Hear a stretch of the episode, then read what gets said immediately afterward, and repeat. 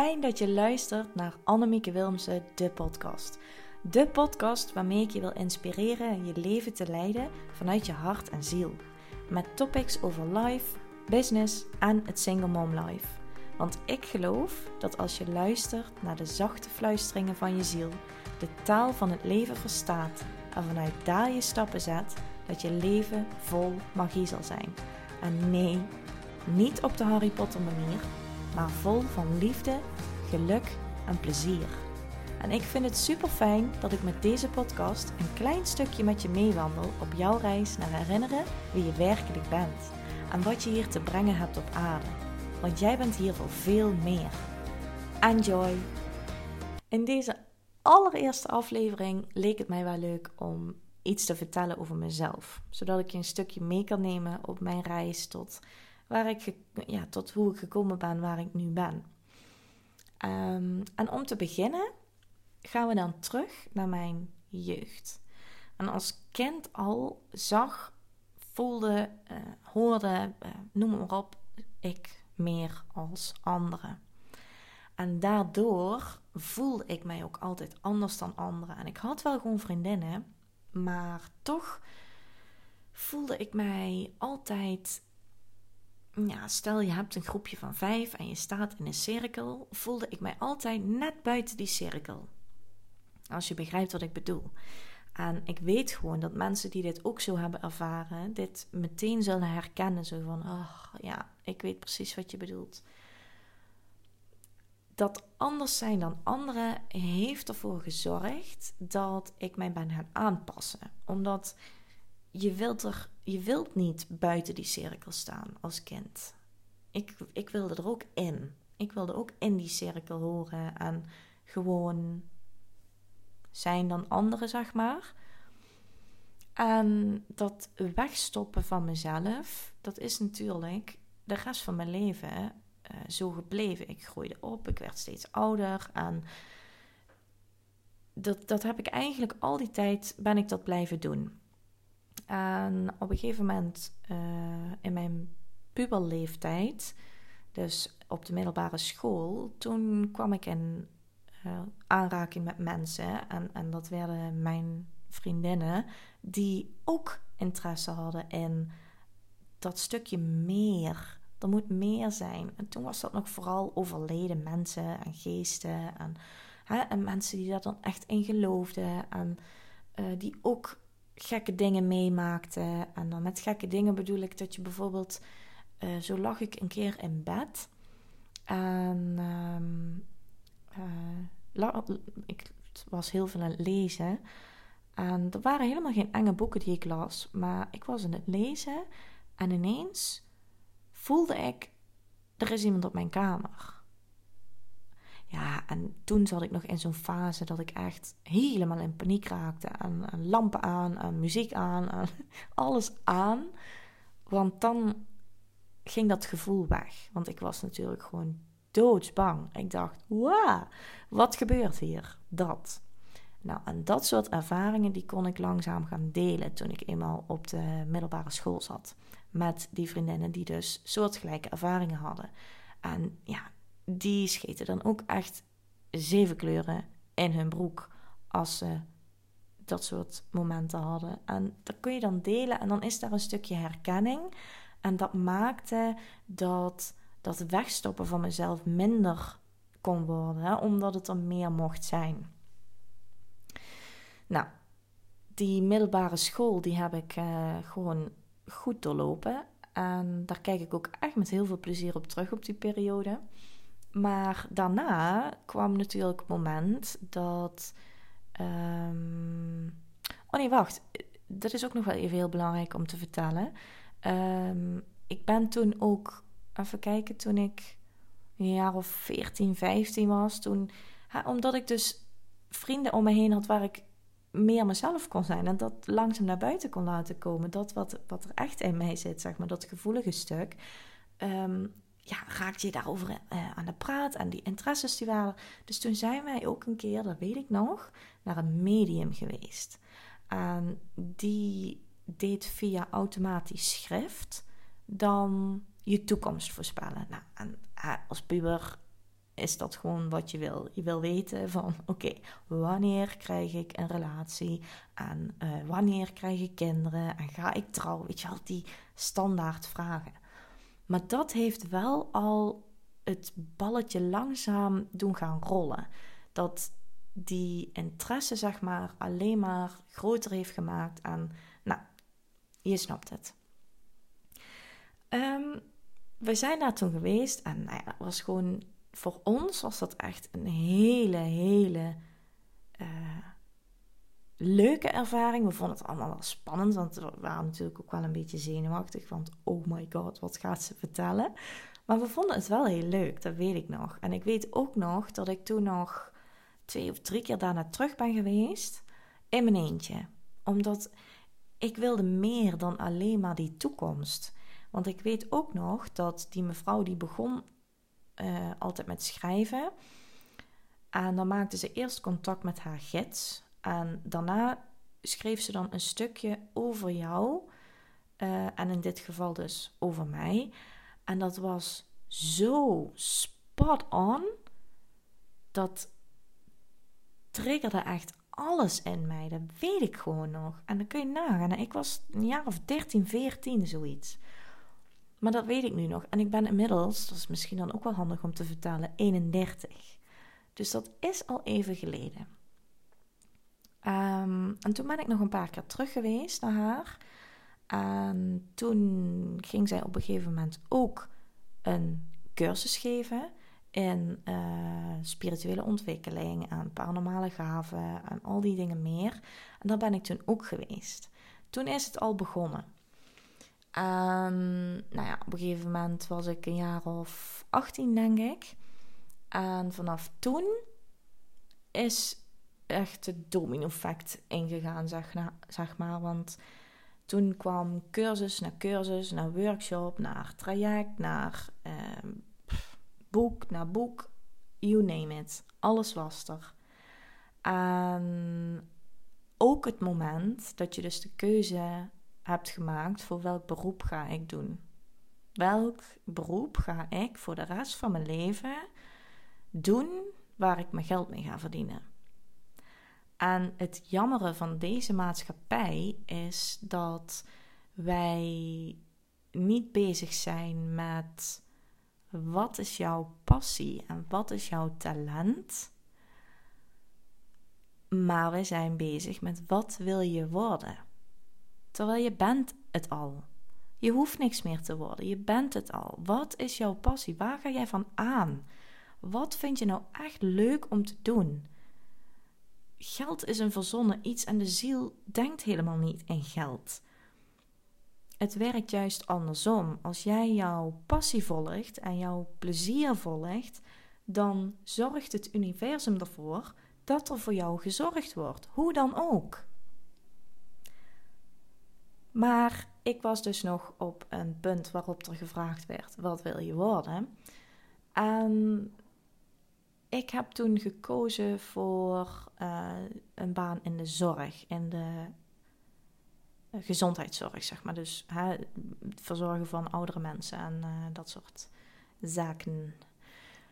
Um, de algemene dagelijkse levensbehoeftes. En ik weet, ik heb in eerste instantie koos ik voor verpleegkundigen.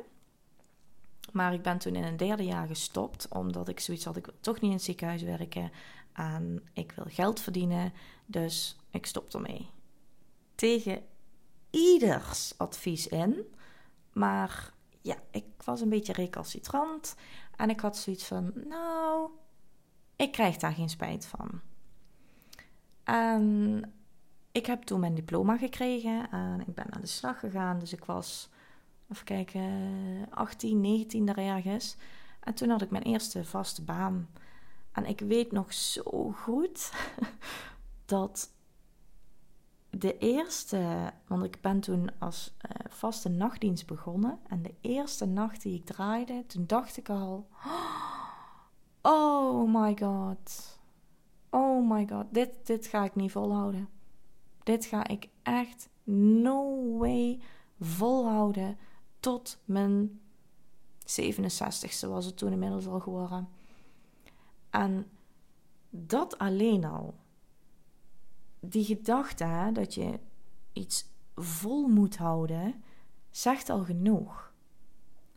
Want als jij werk doet wat jou plezier geeft en wat niet voelt als werken, dan zul je geen seconde denken van hoe ga ik dit volhouden? Daar ben je helemaal niet mee bezig op dat moment, omdat je gewoon plezier hebt in wat je doet. Dus dat had eigenlijk al een soort van wake-up call mogen zijn. Alleen ik geloof er ook in dat altijd alles loopt zoals het moet lopen. Dus ook dat stuk. Achteraf gezien is het altijd makkelijk om te zeggen van oh had ik toen maar of hè, maar dat heeft geen enkele zin omdat alles loopt zoals het moet lopen en ik ook daar mijn lessen uit heb gehaald en dat nu in mijn rugzak heb zitten als ervaring. Ik ben opgegroeid in uh, een gezin waarin vooral de schouders eronder uh, het motto was. En uh, niet klagen, maar doen, zeg maar. Dus daar ben ik ook heel goed in. En daar was ik toen ook heel goed in. Dus ik had zoiets, oké, ik heb hiervoor gekozen. Dus dan moet het maar. Schouders eronder en huppakee. ik heb daar nou, ik denk maximaal een half jaar gewerkt en toen trok ik het niet meer.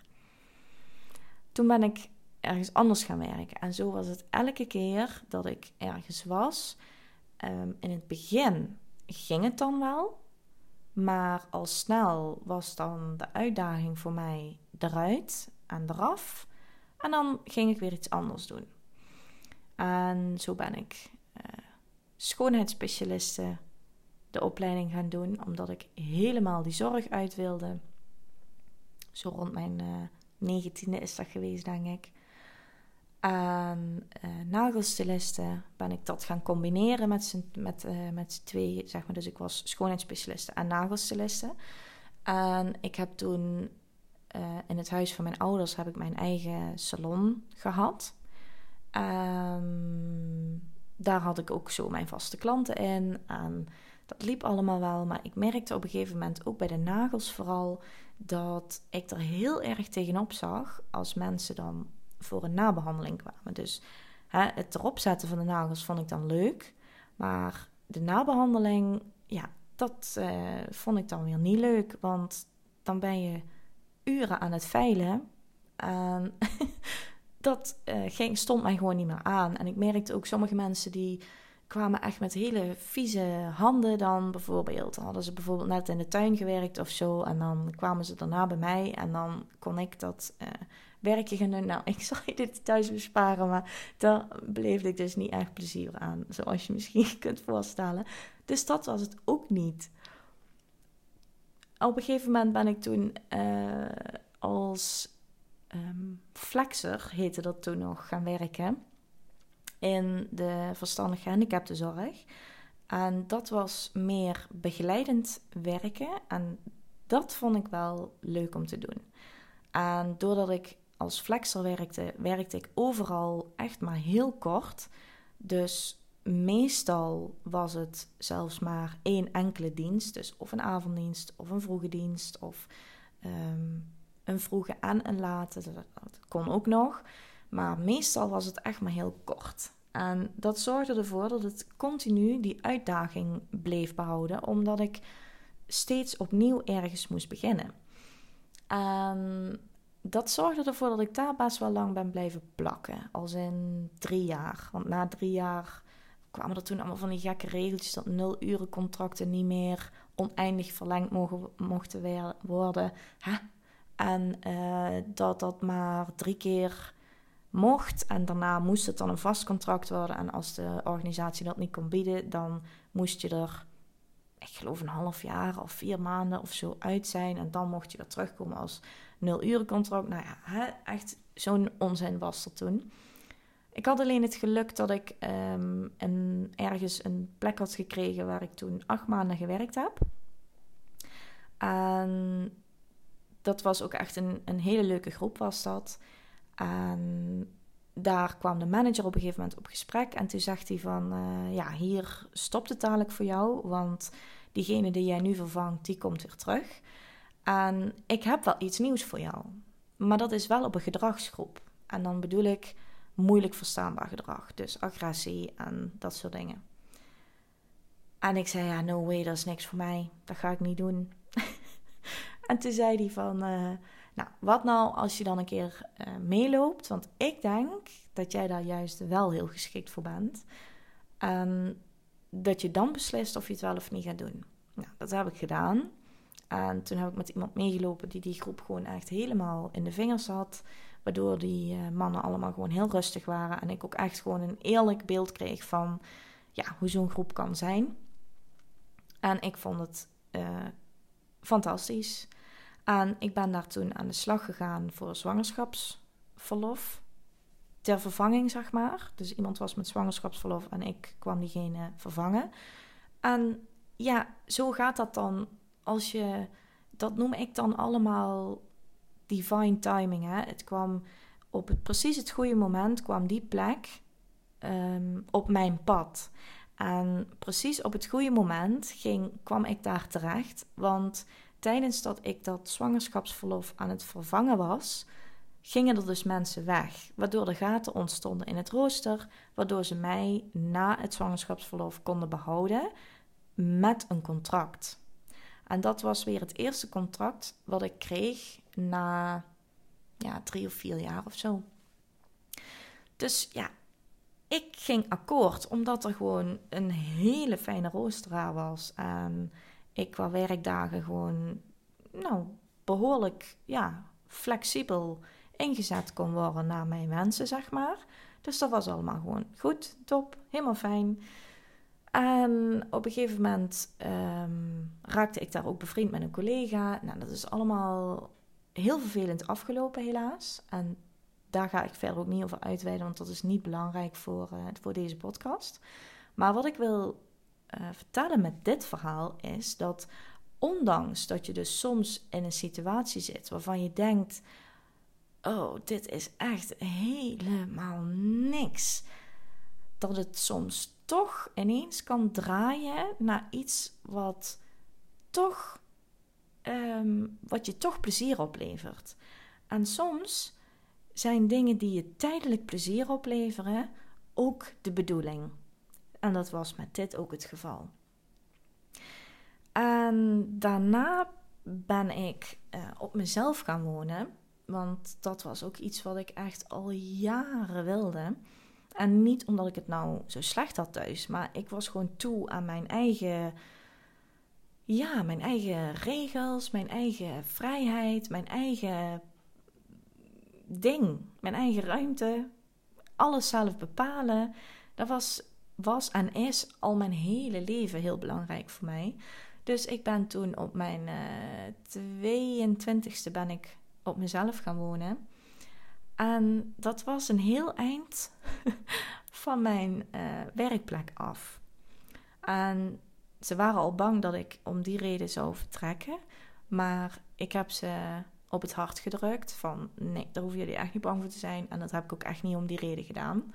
Want ja, afstand was voor mij toen in elk geval nog geen probleem. Ik was alleen en ik woonde alleen en ik hoefde verder naar niemand te kijken of met niemand rekening te houden. dus um, ja, toen heb ik daar gewoon uh, nog mijn tijd uh, uitgewerkt netjes. En even kijken, toen daarna ben ik dus op een hele vervelende manier is dat allemaal geëindigd. En kwam ik een hele korte periode thuis te zitten. En dat was echt ook weer zo'n spannend moment, omdat ik woonde dus op mezelf. Dus ik had mijn vaste lasten iedere maand die terug zouden komen. En ik had geen zicht op een inkomen. En dat was even een moment dat ik dacht: Oh, hoe ga ik dit in godsnaam oplossen? En hoe ga ik dit doen? Ik moet werk hebben.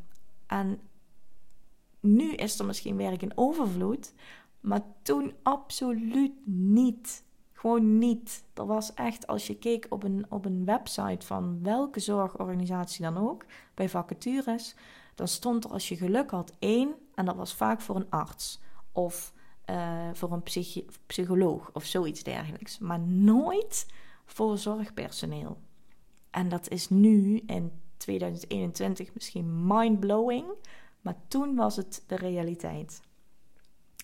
Alleen, ik heb dat heel krachtig het universum ingestuurd. Zo van, ik moet werk hebben en wel nu. En uh, ik heb vertrouwd op het proces. En nou ja, goed, toen kwam er dus wel iets voorbij. En ook nog in mijn woonplaats, wat echt uh, op 10 minuten afstand van mijn huis was. Dus ik dacht, oh, dit is een schot in de roos. Qua afstand in elk geval, qua werk niet. Want ik wist bij voorbaat uh, al van, oké, dit is dit is niet wat ik wil eigenlijk, maar ik moet werk hebben, dus ik ga het doen. nou, ik ben gaan solliciteren, ik ben aangenomen en ik ben daar gaan werken en ik heb daar, denk ik, een jaar gewerkt. En toen begon, eh, toen ik op die afdeling terecht kwam, begon ook weer uh, het wegstoppen van mezelf steeds verder. Want ik kon daar niet zijn wie ik werkelijk ben.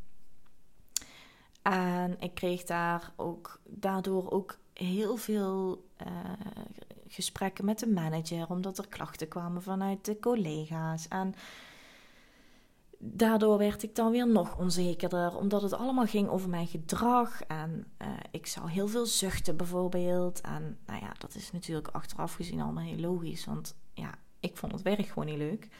En een zucht geeft letterlijk lucht. Dus dat is niet iets negatiefs. Het is niet zo van, ah, maar het was gewoon, zo, dat. En een zucht geeft lucht. Dat is echt zo. Dus neem die mee voor als je nu waar dan ook bent en je voelt stress of uh, misschien zelfs onzekerheid of irritatie of dan zucht een paar keer even flink. Haal een diepe ademteug en blaas dat er gewoon uit. Want een zucht geeft lucht. Anyway, ik stopte dus steeds meer van mezelf weg weer. En dat heeft geresulteerd in een depressie. Het was echt verschrikkelijk. Zo zwart en donker als het dan om je heen is, dat kun je je niet voorstellen. Echt. En um, die, die depressie leek in eerste instantie natuurlijk een mega verschrikkelijk iets waarvan je absoluut niet wilt dat het je overkomt. Maar toch heeft het mij ontzettend veel gebracht. En dat kon ik toen natuurlijk niet zien, maar nu achteraf wel die depressie, nou ja, goed. Hè, in eerste instantie ben ik die uh, op de reguliere manier aangefietst, zoals je dat zegt. Uh, ik ben netjes naar de huisarts gegaan en die heeft mij verwezen naar de psychiatrisch verpleegkundige. En die heeft mij weer doorverwezen naar uh, de psycholoog. En in eerste instantie ben ik trouwens ook nog bij een haptotherapeut terechtgekomen. Maar dat was toen voor mij echt nog een brug te ver. Daar kon ik helemaal niks mee. Want ik weet nog dat ik daar zat en dat ze toen zei van... Wat voel je nu? En toen dacht ik, wat voel ik nu? Waar heb je het over? Nou ja, bijvoorbeeld je zit op een stoel. Uh, ja, dacht ik toen. en toen zei ze van ja, en hoe voelt die stoel voor jou? Zo ja, gewoon als een stoel. Ja, maar voelt hij dan hard of zacht? Of... En toen dacht ik, nou, wat is dit? Daar ben ik dus ook nooit meer heen gegaan. Dat was toen gewoon een brug te ver voor mij. Wist ik veel dat ze mij gewoon weer in contact wilden brengen met mijn gevoel. Dat was toen gewoon niet de manier voor mij. En toen ben ik naar een psycholoog gegaan. En daar leek het alleen maar erger te worden in plaats van minder. Want ja, dan dat is voor mij al helemaal niet de manier geweest. Want dan krijg je allerlei rare vragen van... Bijvoorbeeld, wat doe je liever? Een deurklink repareren of je kamer opruimen? Dat was een test. En dan allemaal van die vragen. Nou, daar kwamen ook de gekste resultaten uit. En uh, toen dacht ik, oké, wat moet ik nu? En toen ben ik in een douche gegaan. Of in mijn douche, gewoon in mijn huis in een douche. in de douche gegaan. En ik heb toen, want dat werkt altijd heel goed bij mij als ik me een beetje eh, blij voel, dat ik dan zielige muziek, zoals ik het dan noem, aanzet. Gewoon van die muziek waarvan je moet huilen, wat je, wat je, wat je van tevoren al weet. Uh, aangezet en toen ben ik gaan douchen en bij finale ingestort. Ik had echt zoiets van: oh my god, wat dit.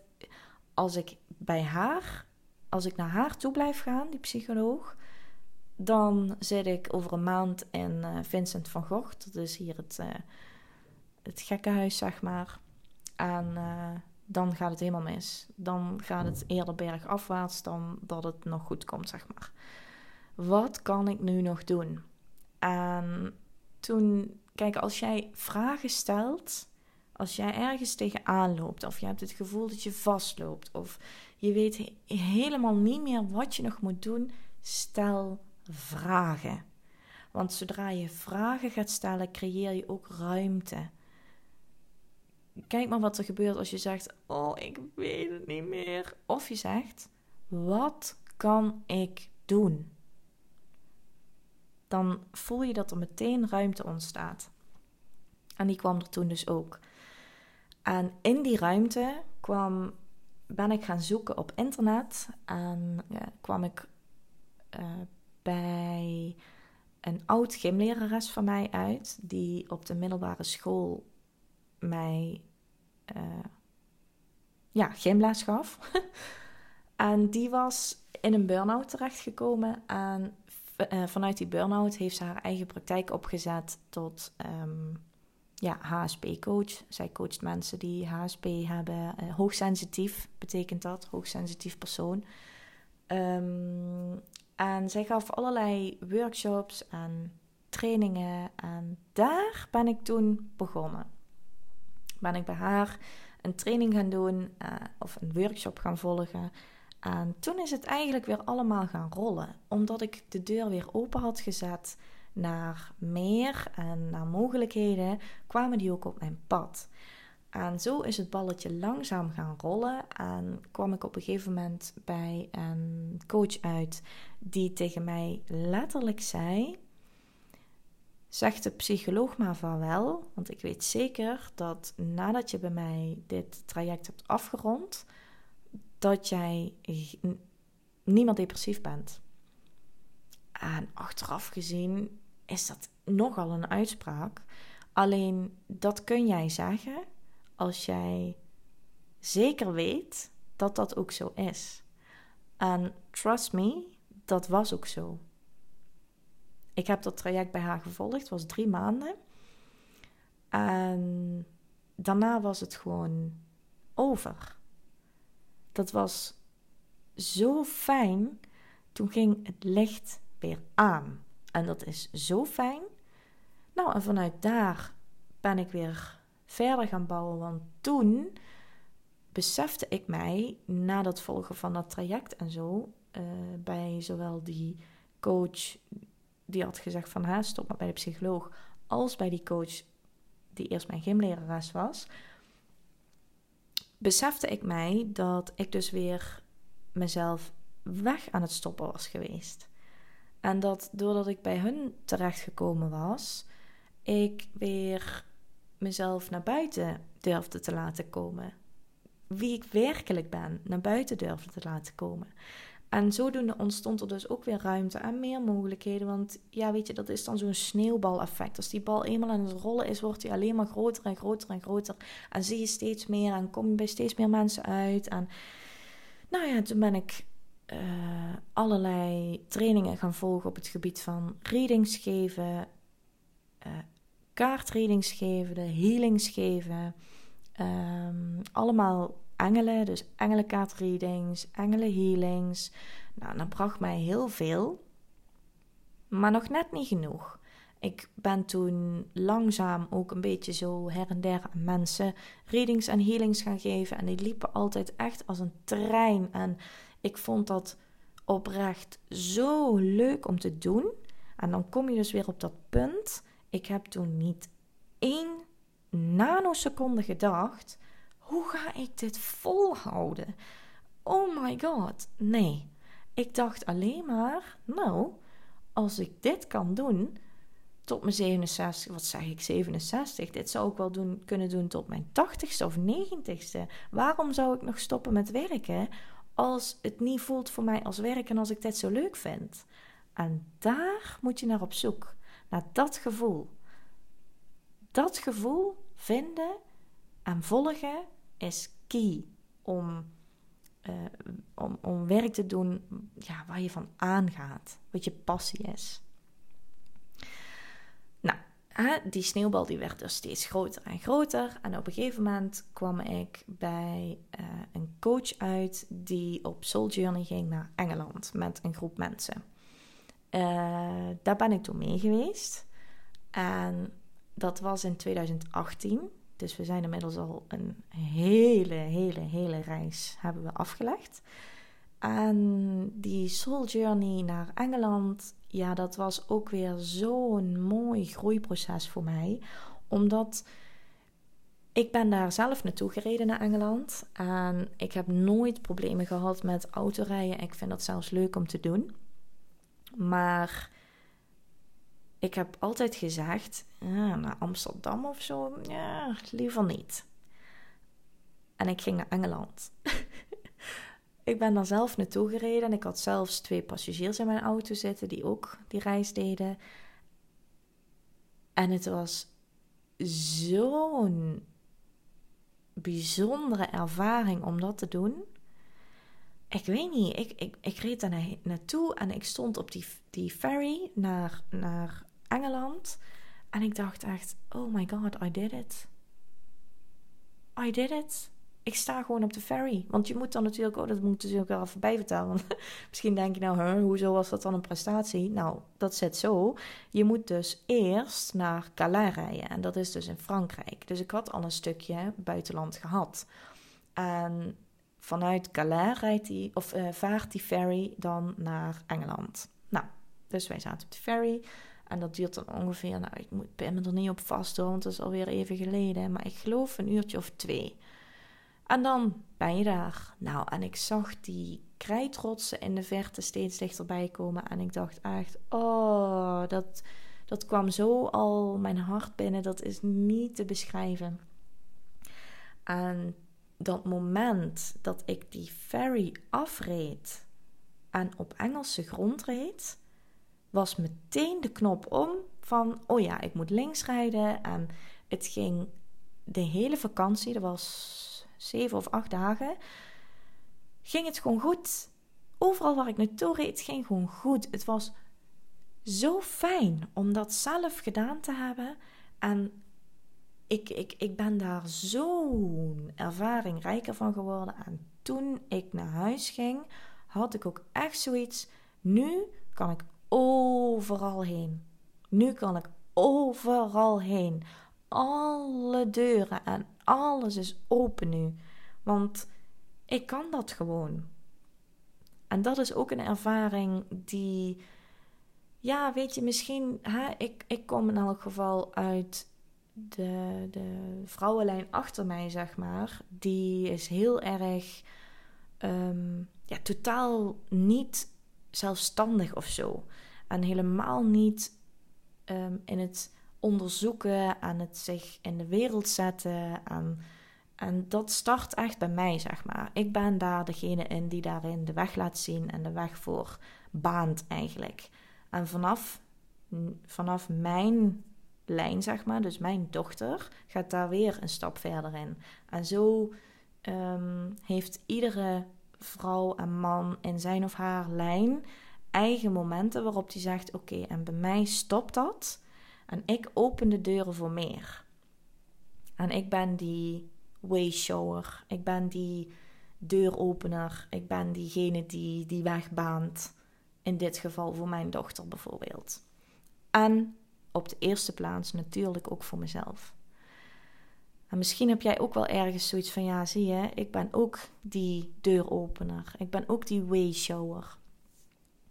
Nou goed, ik was dus op Soul Journey in Engeland en daar in de Challenge Well in Glastonbury. Ehm, dat is een, een, uh, een, een, plek met, waar echt een hele mooie tuin is aangelegd.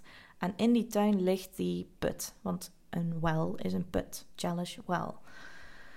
En daaromheen hebben ze een uh, zitplek gecreëerd uh, in een cirkel. En daar zat ik. En raakte ik in een hele diepe meditatie. En het was in Engeland sowieso door al die oernatuur die daar aanwezig is. Daar heb je echt bossen. Nou, mijn hart, die is daar zo wat honderdduizend keer geëxplodeerd van... Ja, dankbaarheid, liefde. Ik, ik weet niet goed hoe ik dat moet omschrijven, maar het is daar zo, zo, zo mooi, die natuur.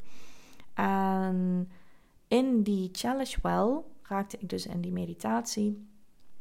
En zag ik mijn elfenfamilie om mij heen. En zij hebben mij toen verwelkomd en gekroond tot hun koningin.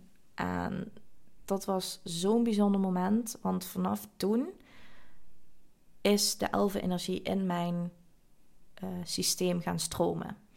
En ik had mij het jaar daarvoor mijn light language al herinnerd. En door het herinneren van die elfenenergie daarna zijn die twee ehm, met elkaar verweven geraakt. En alle healings die ik nu geef, is dus een combinatie van mijn light language met de elfenenergie. Verbonden met elkaar. En uh, ja, daarmee geef ik gewoon echt hele diepe, uh, mooie healings. En daarmee is ook dat stuk getriggerd van het volgen en leven van mijn passie. Uh, het mensen helpen herinneren wie ze werkelijk zijn, diep van binnen. Want we zijn zoveel meer dan alleen ons lichaam. En tegelijkertijd is het ook zo dat je lichaam niet alleen maar een voertuig is. Want in jouw lichaam, in jouw DNA en in jouw cellen ligt zoveel wijsheid opgeslagen uit vorige levens, uit um, de sterrenstelsels waar je vandaan gekomen bent um, en de combinaties daarvan.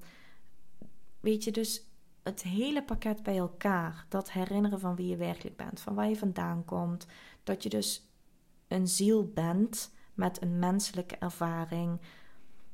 Um, en daarmee ook jouw doel op aarde herinneren van wat kom ik hier eigenlijk doen? Want dat was ook een vraag die altijd in mijn leven de hoofdrol speelde. Zo van, wat de fuck doe ik hier eigenlijk? Weet je wel dat? Dat volgen en dat leven en daar mensen mee helpen, dat is mijn passie en dat is wat ik doe. Ik help mensen op hun reis van herinneren wie ze werkelijk zijn en wat ze hier te brengen hebben op aarde. En ja, weet je, nu zijn we denk ik wel een beetje aan het einde gekomen van mijn reis. Want ik wilde ook nog uh, vertellen over um, het bewust kiezen van een kindje in mijn eentje. Uh, maar misschien is dat wel leuk om te bewaren voor een volgende aflevering. Omdat dat weer een verhaal op zich is. En ik zie dat ik al bijna 40 minuten aan het lullen ben. Um, mocht je nou helemaal getriggerd zijn door dat verhaal wat ik verteld heb, dat ik dus mensen help uh, op hun reis herinneren wie ze werkelijk zijn en wat ze hier komen doen op aarde, dan is mijn uh, drie maanden Soul Guidance traject echt iets voor jou. Want met dat drie maanden traject loop ik dus drie maanden naast je. En ik zeg bewust naast je, omdat ik er niet ben om jou te vertellen hoe iets moet zijn, of hoe je iets moet zien, of hoe iets moet voelen, of hoe, iets, hoe je iets moet horen, omdat jij jij bent. En iedereen is uniek. Iedereen heeft zijn of haar unieke energie. En daarmee is alles wat jij doet uniek, omdat jouw energie erachter zit. Ook al zou jij hetzelfde doen als jouw buurvrouw, Jouw energie zit erachter en die is uniek, hoe je het ook wendt of keert. En het is mijn doel om jou dat te laten inzien. En zodat je je eigen wijsheid aanboort en vanuit daar je stappen zet. En dat je vertrouwt op jezelf en op je eigen wijsheid. En niet langer meer uh, de bevestiging of whatever buiten jezelf zoekt, maar die in jezelf kunt vinden. En dat de wereld in kunt zetten. Nou, dat is echt magic. En nogmaals, dat is dus niet de magic van Harry Potter, de magic van jezelf.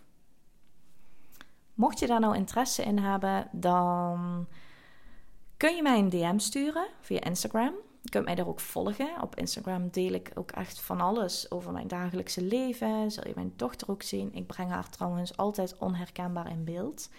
Ehm, dat vind ik heel belangrijk, omdat ja, zij heeft niet gevraagd om heel haar hebben en houden voor Jan en Alleman uh, in beeld te brengen. En uh, zij kan daar nu nog zelf niet voor kiezen, dus die keuze maak ik voor haar. Om haar te beschermen. Maar je ziet haar wel onherkenbaar.